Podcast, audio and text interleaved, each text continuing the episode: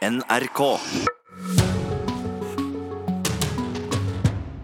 Og nå passer det å minne om at vi også eh, kan eh, se denne sendingen på NRK1. Og Grunnen til at jeg påpeker det akkurat nå, er at vi har fått et knippe med svært pene mennesker i studio. Anne? Ja, du snakker, snakker om Fredagspanelet.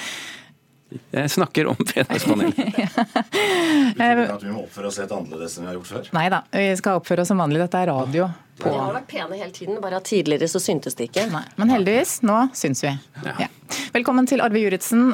Oppryddende forlagsmann var tittelen du ville bruke forrige gang du var her, men du er fortsatt forlegger. Rydder fortsatt, går veldig tregt. Karen Kristine Bloggestad, kulturredaktør i Fedrelandsvennen. Tusen takk. Og Nina F. Grunfeldt, filmregissør og førsteamanuensis ved Høgskolen Innlandet på Lillehammer. Takk, hei. Hei. Vi starter eh, med denne her. Hold on to me. Don't let me go.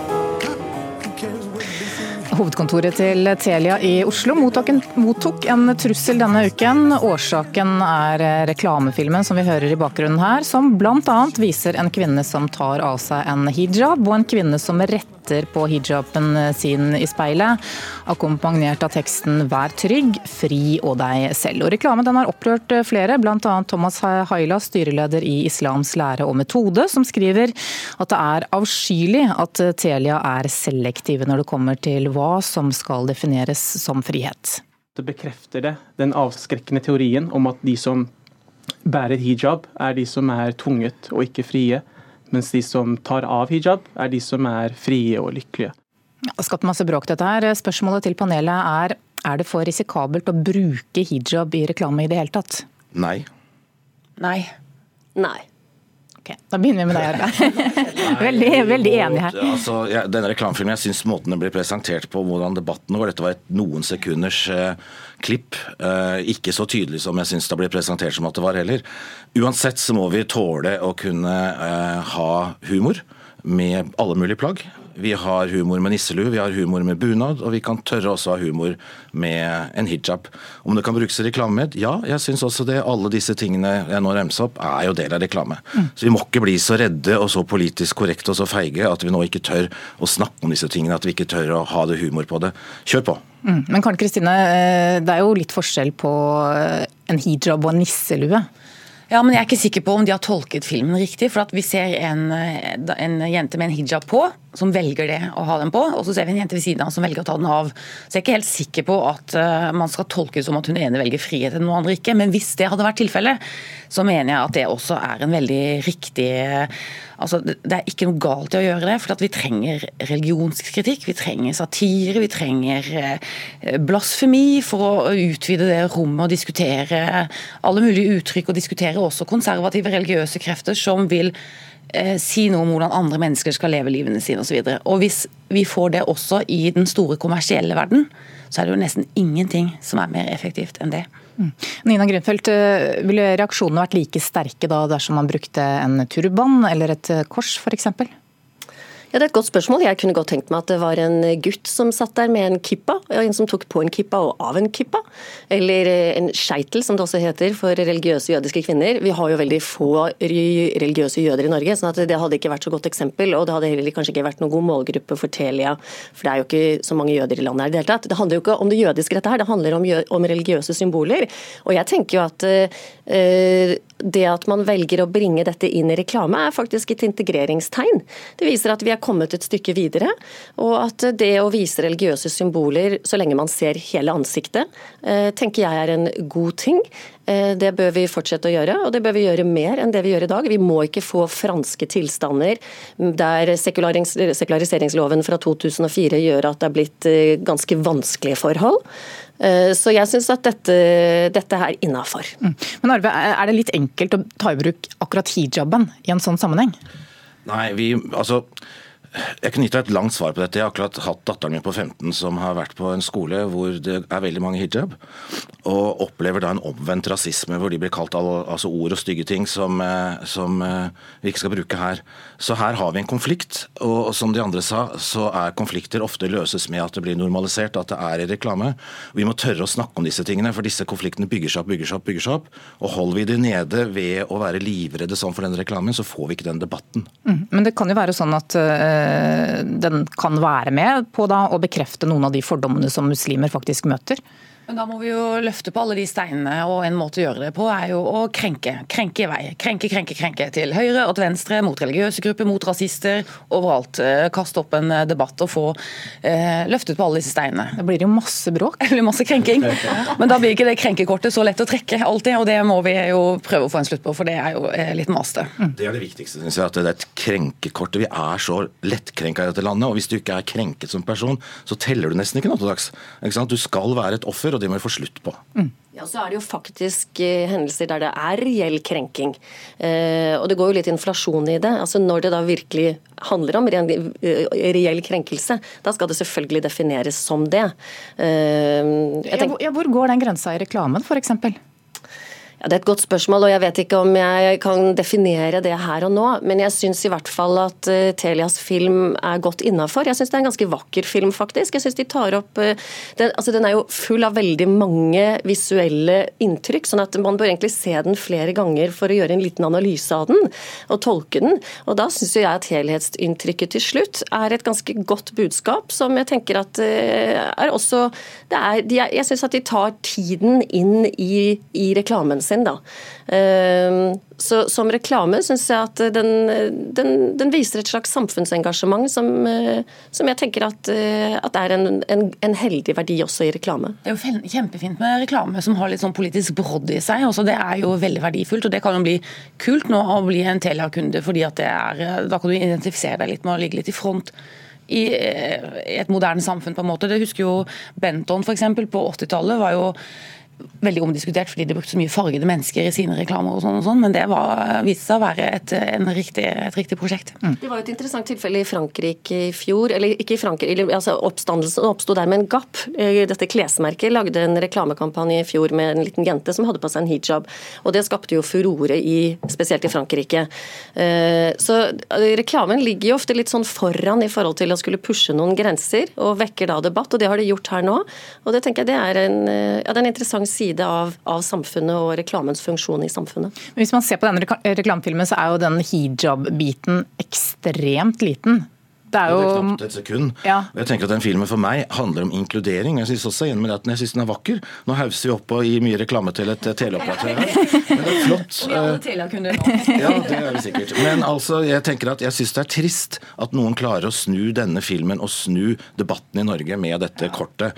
At alt er så krenkende. Det er en vakker film som inkluderer også de med hijab, og også de som tar av seg hijaben. Vi går videre. Eh, Natos generalsekretær nordmann Jens Stoltenberg møtte Donald Trump denne uken. I tillegg så talte han til den amerikanske kongressen.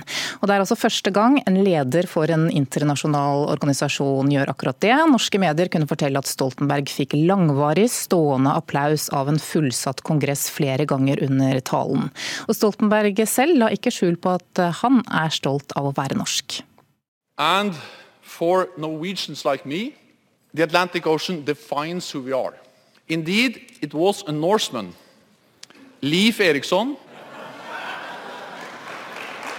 who was the first European to reach American shores.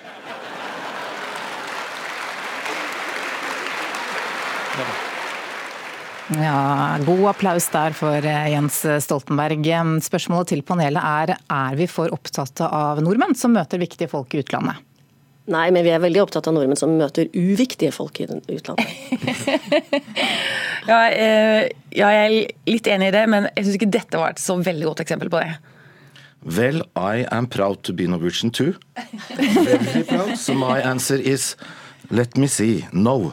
No? Ok, No, yeah. then you can start. I can start. Shall I speak Norsen? Vi snakker, vi snakker, Nei, vi snakker norsk. men uh, jeg syns det er fascinerende. Altså, jeg er fan av Jens Stoltenberg. Jeg syns denne talen var veldig godt skrevet.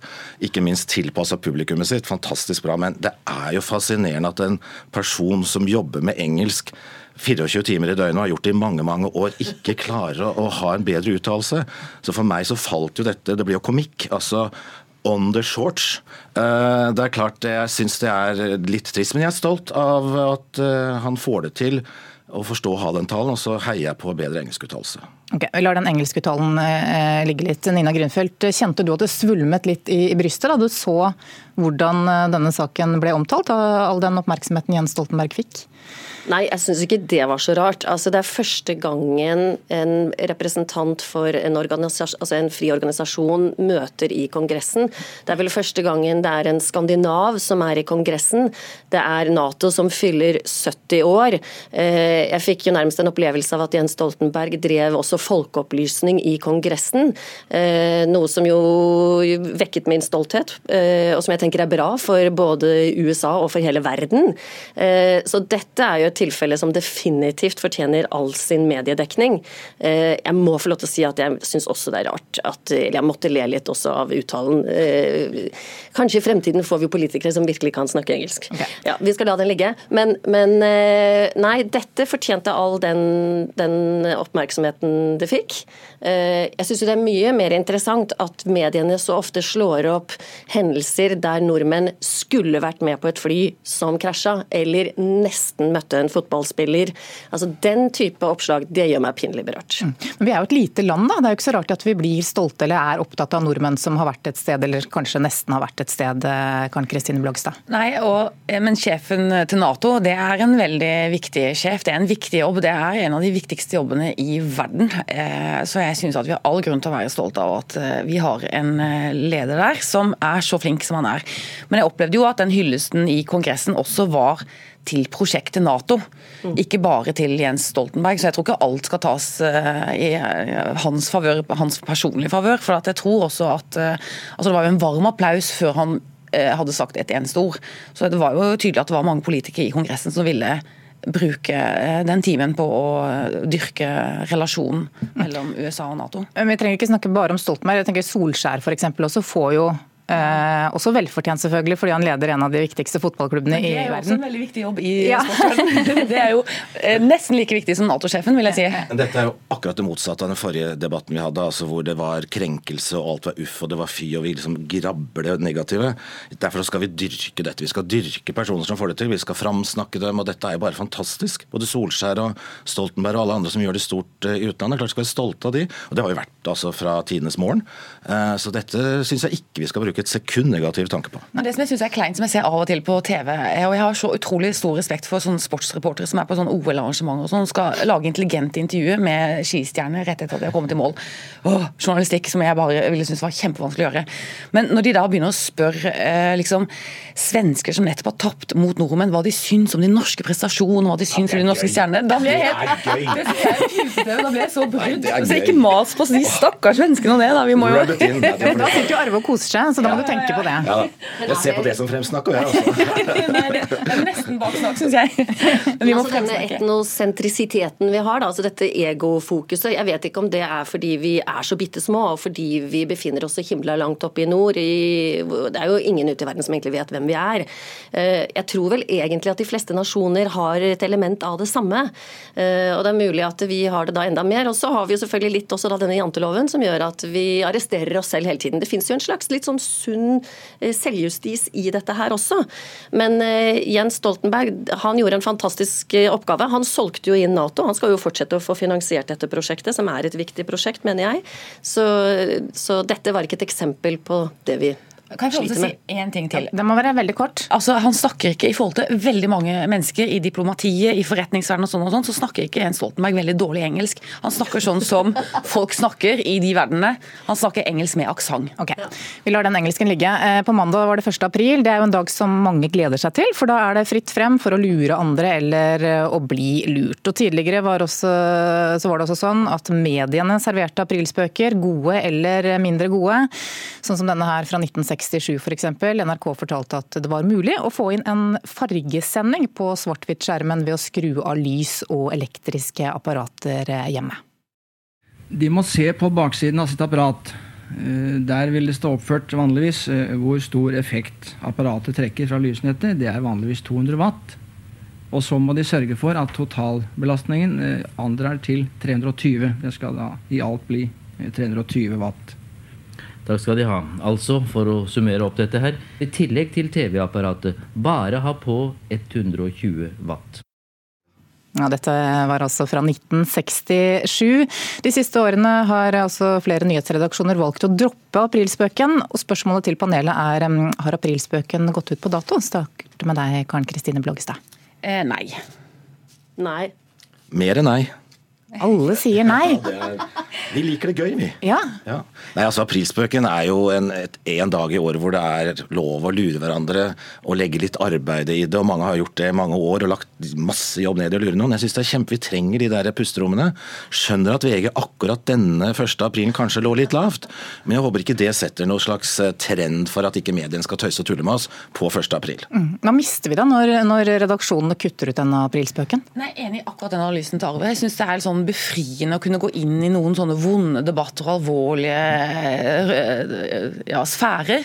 Veldig befriende å gå inn der og tøyse og senke skuldrene og le litt. Så jeg syns det er et viktig pusterom, det syns jeg. Også, også litt for satire og sånn og sånn. Og så syns jeg jo at hvis vi skal slutte med aprilspøker fordi eh, det sitter noen troll rundt om i verden og lager fake news, så lar vi jo de kneblås litt. Og det kan vi jo ikke finne oss i. Nei, men eh, du setter aprilspøken da høyere enn eh, enn, eh, dette med falske nyheter, på en måte? da? Eller akkurat på 1. april, i hvert fall? Jeg mener i hvert fall at Det litt moderne fenomenet fake news skal ikke få lov til å bestemme. Det skal ikke få definere journalistikken vår, og heller ikke hvordan vi spøker. Mm. Og De fleste aprilspøkene har vel ofte vært såpass rare eller oppsiktsvekkende at vi kanskje har forstått, eller i hvert fall burde ha forstått at, at det var en aprilspøk? Ja, altså jeg tenker i hvert fall at Du er inne på noe i den forstand at uh, falske nyheter er malignt. Det er ondsinnet. Uh, 1. aprilsnarrer de skal være godsinnede. Uh, sånn at, og de skal, de skal være helsebringende. De skal være kulturskapende. Nå viste vi nettopp her innledningsvis et eksempel på noe som er blitt en del av vår felles historie. Mange husker også da sna, aprilsnarren handlet om Vinmonopolet som skulle kvitte seg med masse rødvin, og folk kom med bøtter og spann for å få gratis vin. Det er jo kjempefestlig. Vi trenger også alle sammen å strekke oss litt og øve oss litt i å lure hverandre litt. Gi hverandre den oppmerksomheten det innebærer. Så jeg tenker at vi har egentlig hatt noen veldig dårlige aprilsnarrår. Jeg har savnet å bli lurt. Og jeg har prøvd å lure selv, og kommer til å fortsette å gjøre det og bli enda bedre på det. Hører du dette her, Arve? Ja, det var en bra en, hvis jeg kan få ta den jeg likte best i år. Bok 365 hadde aprilspøk, eller hele oppslaget sitt var at nå innfører Kulturdepartementet pant på bøker. Og Det deilige med aprilspøker er jo at du stopper et sekund og så tenker du, oi. Og så begynner du å lese, og så skjønner du at det har vært lurt. Og den deilige følelsen av at den beit jeg på, den syns jeg var kjempegøy. Det var en bra spøk. Deres favoritter? Ja, jeg har ikke noen sånn veldig som merket seg ut eh, i år. Vi har jo i vår redaksjon i Fjellandsvennen litt sånn at vi skal ha aprilspøker hvis vi kommer på noen gode noen. Og vi har jo hatt en stor debatt om kunstsilo som skal ligge i Kristiansand sentrum der. og vi eh, skrev da 1. april i år at den skal flyttes til Vennesla. Ok, Så dere beholdt aprilspøkene? Ja, vi gjorde det, for vi syntes vi hadde en god idé. Ah. Ja. Og du savner altså rødvinsutdelinga? Ja, og altså jeg, jeg satt nedgravet i møter hele dagen, så jeg har ikke noen jeg, Den gikk meg litt hus forbi, dessverre. Og det tenker jeg det er da en god Eller det viser jo at, at 1. april må heves. Ok, Da kan vi ta den oppfordringen ut til alle, egentlig. 1. april neste år. Nina Grünfeldt er eh, jeg, jeg er klar for å bli lurt, og jeg skal prøve å lure. Vi gleder oss til å lese om mitt neste filmprosjekt og har den dagen. Den bør være god. Ok, Takk skal dere ha, Nina F. Grünfeldt, filmregissør og førsteamanuensis ved Høgskolen Innlandet på Lillehammer. Karen Kristine Bloggestad, kulturredaktør i Fedrelandsvennen. Og Arve Juritzen, forlegger.